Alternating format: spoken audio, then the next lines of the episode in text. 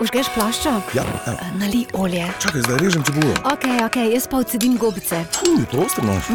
Dobro, kako si si ti to točno predstavljala?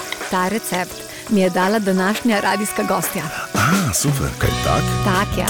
Evo, se že kuha. Radijska kuhinja. Mojco Polak, lepo pozdravljam v naši radijski kuhinji. Lepo pozdravljeni. Ja, zima je in takrat seveda zelo sodijo tudi na naše mize kakšni vroči zimski napitki, recimo kot vroča zimska čokolada. Ja, tradicionalni topli napitki pa so kateri, gospa Mojca? Dejansko je veliko napitkov temeljilo na mleku ali kakih zeliščnih poparkih. In verjetno se sami spomnite, kako pogosto smo po zimi kot otroci pili kakšno žajbljevo mleko ali karamelno mleko, ki bi naj pomagalo pri obolenjih, eh, kot so prehlad in pa gripa.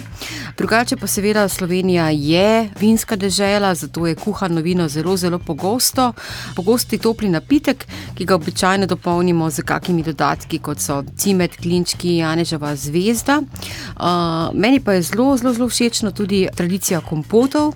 Torej, z njimi lahko pripravimo tako prijazne, brezalkoholne, tople napitke, ki jih lahko mirno ponudimo v kombinaciji z kakimi zanimivimi vrstami sadja. Torej, ni nujno samo jabolka, zelo posrečene se mi zdijo variante, kjer posamezne vrste sadja mešamo z dodatkom suhega sadja in potem lahko take kompote ponudimo tako hladne kot tople. No, tako rekoč lahko rečemo, da so topli, vroči napitki tisti, ki nas nekako poživijo, pa vendarle marsikoga zanima, kakšna je razlika med kakavom in vročo čokolado. Ja, ta vroča čokolada je postala uh, verjetno tudi zaradi vpliva uh, naše sosede Italije tako zelo popularna, uh, lahko rečemo skoraj sladica uh, v zimskem času. Uh, bistvena razlika med obema napitkoma je v tem, da kakao običajno pripravimo iz kakava v prahu da je ta posledično tudi veliko bolj redek. No, pri vroči čokoladi pa želimo doseči neko gostoto in takrat običajno dodamo zraven kakšna zgoščevalna sredstva, največkrat je to škrobna muka, lahko pa tudi kakšni uh, drugi dodatki, ki so sedaj popularni, naprimer kakšna želirna sredstva. Ampak za domačo uporabo jaz še zmeraj najraje svetujem škrob in ta bo vključen tudi v recept, ki ga bomo kasneje predstavili. Ja, torej vročo zimsko čokolado zdaj le pripravljava z mojco. Ja, to vprašanje še je precej kalorična. Odvisno od tega, v kakšni skodelici ponudimo. tako. In kako jo pripravimo? Prepričana sem, da se boste v ta recept zaljubili, ker je tako zelo preprost in uh, nas po zimi res lepo pocarta.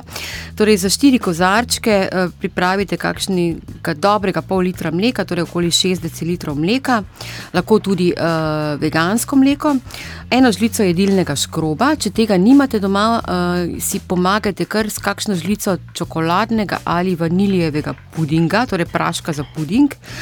Eno cimetovo palčko, kakšno janeževo zvezdo, 50 gramov kakava za vroči napitek in pa noževo konico uh, soli. Pri čokoladi dajte zbirati pa čim bolj temne uh, vrste čokolade, torej take, ki imajo veliko kakavega deleža. Uh, dela se lotimo tako, da od skupne količine mleka vzamemo deciliter in v njemu razmešamo škrob ter uh, sol, o kateri sem govorila. Preostanek mleka zagrejemo v kozici in v njemu zakuhamo škrobno mešanico z cimetovo palčko in z janeževo zvezdo.